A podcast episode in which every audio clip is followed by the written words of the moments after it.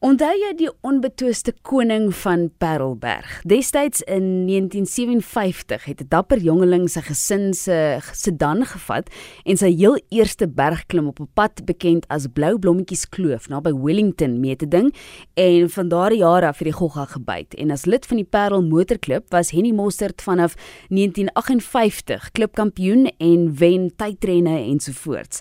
Sy spesialiteit was egter die Parel Hill Climb en hy het dit in totaal en al al oorheers oor jare van 1967 tot 1973. En ek gesels nou met Henny Mostert se dogter Elzaan Mostert en sy seun Berto Mostert. Baie welkom by die program. En Henny Mostert het 'n massiewe bydrae gelewer tot Suid-Afrikaanse motorsport wat mense sommer sal vergeet nie. Vertel my van Henny Mostert as mens. Berto, jy kan sommer gaan. Hallo Karla en luisteraars. Henny Mostert as mens kan net beskryf word as iemand met geen grys areas nie. Hy's 'n baie streng en ontsettend gedissiplineerde persoon en daar was net reg of verkeerd aan sy kant. Daai waardes was grootendeels dink ek die suksesverhaal in sy lewe, werks en motorsportloopbaan. Was altyd beskeie oor sy prestasies en erkennings wat hy in die motorbedryf as ook motorsport en kringe bereik het. Om te dink, hy het dit bereik sonder enige opleiding en kwalifikasies in meganika. Dit was net 'n natuurlike talent. Hy het op 12 jarige ouderdom sonder hulp 'n ou motor op die plaas gevat en heel oorgedoen. Sy ma wou hy moes meganiese geneeswese studeer, maar finansies het hom beperk. Hy het oorgeneem as plaasbestuurder by sy pa met vele suksesse, maar die motorbedryf het te groot bekoring gehad. Die liefde vir boerdery het maar gebly en hy het 'n klein hoewe van so 10 hektaar tussen Pern en Klapperts aangestik af om daai stokperdjie uit te leef. Maar as 'n mens sal ek hom onthou as iemand wat nooit teruggestaan het vir uitdagings nie, altyd bereid om te help en 'n ongelooflike natuurlike gevoel gehad vir meganika in voertuie. En uh, gepraat van voertuie, Mostert se motorsportreis het eh, soos vroeër genoem in 1957 begin toe hy die familiemotor se dan gevat het en 'n jaar later toe wen hy toe in Sereno. Was die sport altyd 'n gunsteling in die familie? Ja, ons is maar almal mal oor motors en motorsport. Ehm um, selfs maar die liefde aangeleer toe sy met pa getrou het. En op haar dae kon sy stof in menige man se oë geskop het as dit by spoed kom.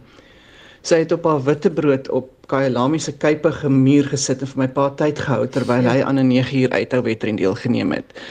Dit is hoe passievol sy was. Maar danksy my pa is ons almal maar petrolkoppe.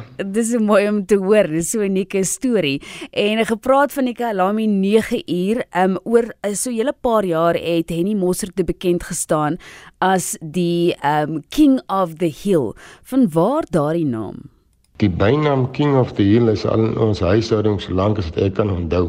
Dit kom maar van sy absolute oorheersing van heuwelrenne, veral die baie bekende Parel heuwelren. Mens dink dit aan Parel die dorp as as dit kom by Parel Joburgen, maar dit het landwyd nuus gemaak en belangstelling gelok. Die opbouing vir elke heuwelren was onsaglik en as 'n baie jonk kind kon ek dit al aanvoel en ervaar. Elke jaar was daar 'n nuwe uitdager met 'n vinniger motor en meer ervare bestuurder om te probeer ontroon. Maar soos geskiedenis dit bewys, was daar maar net niemand suksesvol genoeg tot die dag wat die heuwelren tot einde geloop het om hom te ontroon nie. En uh, Bert en Alzaan uh, Fritz Klaaste, ek hoop hy, luister op hierdie oomblik nie, maar ek het so 'n paar uh, artikels gelees en ek sien daar's 'n renbaan of daai destyds ook in Oudtshoorn. En het julle as kinders baie saam gereis en, en oomblikke ervaar met julle ouers of of of net met julle pa waar julle moes reis na 'n wedren toe? As 'n renjaer myself het jy mos maar jou heroes en legendes. Omdat ek so jonk was met my pa se loopbaan, besef mens nou eers dat daar in sy tyd ook manne oud en jonk opgekyk het na hom en hom as 'n legende in die Here gesien het. Snaaks van hulle is renjers wat ek ook groot respek voor het en nou met die bekendstelling besef my pa was hulle Here in hulle jong dae. Ja nee, die hele gesin is maar motor en motorsport mal. Ek self neem nog aktief deel. Selfs die kleinste mosterd, my en Lise se 2-jarige Isabel mis nie 'n motorsport byeenkom saam met my op die TV sommer nie. Dis baie oulik, die kleinste mosterd en jy Elzaan? Ja, die stories van die renbaan in Oudtshoorn is legendaries. Uh Ines Jenus was van Oudtshoorn en hy het kort kort pas 'n rekord gebreek. dan laat weer die manne pa moet kom. Dit is weer sulke tyd. Sy rekord is gebreek en dit deur 'n man wie se voertuig deur professor Kriek van die Universiteit van Stellenbosch se meganiese afdeling vinniger gemaak word. En uh, dan laai pa maar sy resies engine op die agtersitplek van die motor, ry Oudtshoorn toe. Daar gekom ry hulle die twee engines. Pa gaan breek weer die rekord. Hulle kuier nou 'n partytjie die Saterdag aand. Ry die Sondag weer terug want dan moet Maandag weer gewerk word. En dit het so 5, 6 keer gebeur, maar ongelukkig moes ons kinders by ouma agterbly, so ons was nie daar om dit te sien nie. ja, en uh, iets wat ek ook toe toe raak gelees het toevallig en Bertu iets wat ek uh, vir jou sou wou vra. Uh, vertel my van die petrolkrisis in daardie jare en watter impak het dit op uh, Mostert se se loopbaan gehad en, en natuurlik ook seker ook sy sy spanmaatsin. Min mense vandag besef dat groot dele van die wêreld in die vroeë 70's amper uit brandstof uitgehardloop het. Dit het maar die hele motorsportbedryf tot 'n stilstand geruk en dis maar almal benadeel. So ek dink nie net vir hom nie. So dit was nie net 'n groot invloed op hom nie, maar ook op almal. Seker maar veroorsaak dat daar 'n paar minder trofeeë in die kas was. Ja, dit is baie baie waar, maar ook ehm um, die trofee, daar is 'n hele paar trofee in die kas en dit is vreemd hoe jy trofee gewen het met hierdie motor en nou staan hierdie motor soos 'n trofee by die Franschhoek Motormuseum en dit is waar ek dit gesien het, ek het toevallig op Twitter gesien, uh besoek gereeld Franschhoek en dit is uh, presies wat ek sal doen wanneer ek terugkeer. Die motor is onlangs in die Franschhoek Motormuseum tentoongestel. Hoe het dit gebeur? En uh, ek gesien sy helm is ook daar um, op die oomblik. En ja, hoe het dit gebeur Bertu? Die skenking van die voertuig aan Franshoek Motormuseum is nog 'n interessante storie. Met my pa se afsterwe het my ma nie eintlik geweet wat om met die voertuig te doen nie.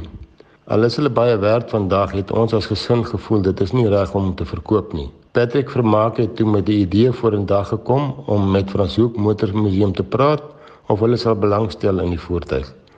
Wayne Ali, die kreator, het toe laat weet hulle stel belang Die bal is dan in rol gesit en die kordinies aan hulle oorhandig. Hy het laat weet hy sal so elke 3 tot 6 maande op uitstalling wees. Dr. Johan Rupert het toe verskalk burger genooi om te kom kyk na een van sy nuwe voertuie wat hy aangekoop het. Die kordinie staan toe tydelik in die stoor saam met die nuwe voertuig. Toe skalk burger in die saal instap, sien hy die kordinie, herken die nommerplaat en vra toe dadelik waar kry hulle hierdie se kordinie. Langs toe die kort te maak is my pa en die kordinie skalk se hero daai dae. Dis toe dat Rupert en die museum besef wat se impak die motor en my pa gehad het op Boland omgewing en die enigste voertuig in sy versameling wat dit gedoen het. Dis toe dat hulle besluit het om dit 'n permanente uitstalling te doen ter ere aan hom en die voertuig. Wat 'n mooi storie en uh, soos wat jy nou ook sê Berto, daardie areas die Boland area, Wellington, uh Stellenbosch, Parel, Franschhoek klap met se kant. Uh so as jy in die in die omtes is of as jy wil reis van een van ander uh provinsie na die Wes-Kaap toe, dit is uh presies wat jy kan doen. En uh, alsaan kan mense uh, die die museum besoek om die kar te kan besigtig. Die museum is oop vir die publiek. Mense kan kaartjies koop op hulle webblad want daar's ongelukkig nie kaartjies by die hek beskikbaar nie en dan moet hulle beslis in saal D draai gaan maak waar die Gordini staan en moet hulle ook tog kyk na die valhelm wat daar um, uitgestal is. Dit sal beslis nie vandag verby streng motorsportregulasies kom nie. Dit is eintlik baie komieklik. Ek het ook die foto gesien en ek sal ook op 'n uh, eh, RSG se Twitterblad uh sit die die blou motor en dan die die valhelm ook wat daarby is. En uh, ek het ook uh, in hierdie week dat ek uh, die Franschhoek Motormuseum gebel so daar so lei toon en dan vra die die die vrou vir jou in Afrikaans en Engels um, na met wie wil jy gesels en dan kan jy inligting dan ook by hulle kry wanneer is die daar vir die uitstalling, wanneer is die daar vir of vir die publiek om te gaan kyk.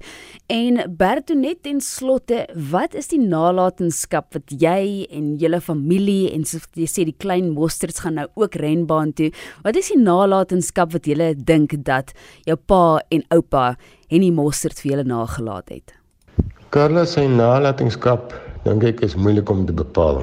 Soveel goed kom nou uit van mense wat hom geken het en wie vir hom oneindig respek het. So hy het baie mense geraak en lewens beïnvloed. So ek is dankbaar ons het die roete gegaan saam met Franshoek Motormuseum om dit vas te vang vir die volgende generasie asook die vele ouer garde wat gesê het hulle wil 'n draai maak by die uitstalling. So maak 'n draai by die uitstalling Franschhoek Motor Museum, die ligblou kar wat baie trofee gewen het en nou staan dit, dit is 'n uitstalling vir die publiek om te gaan kyk uh, in Franschhoek en dan soos Bert ook genoem het vroeër, die Kalmor en Klapmuts en Parel en die omliggende areas is baie mooi om te ook te gaan kyk.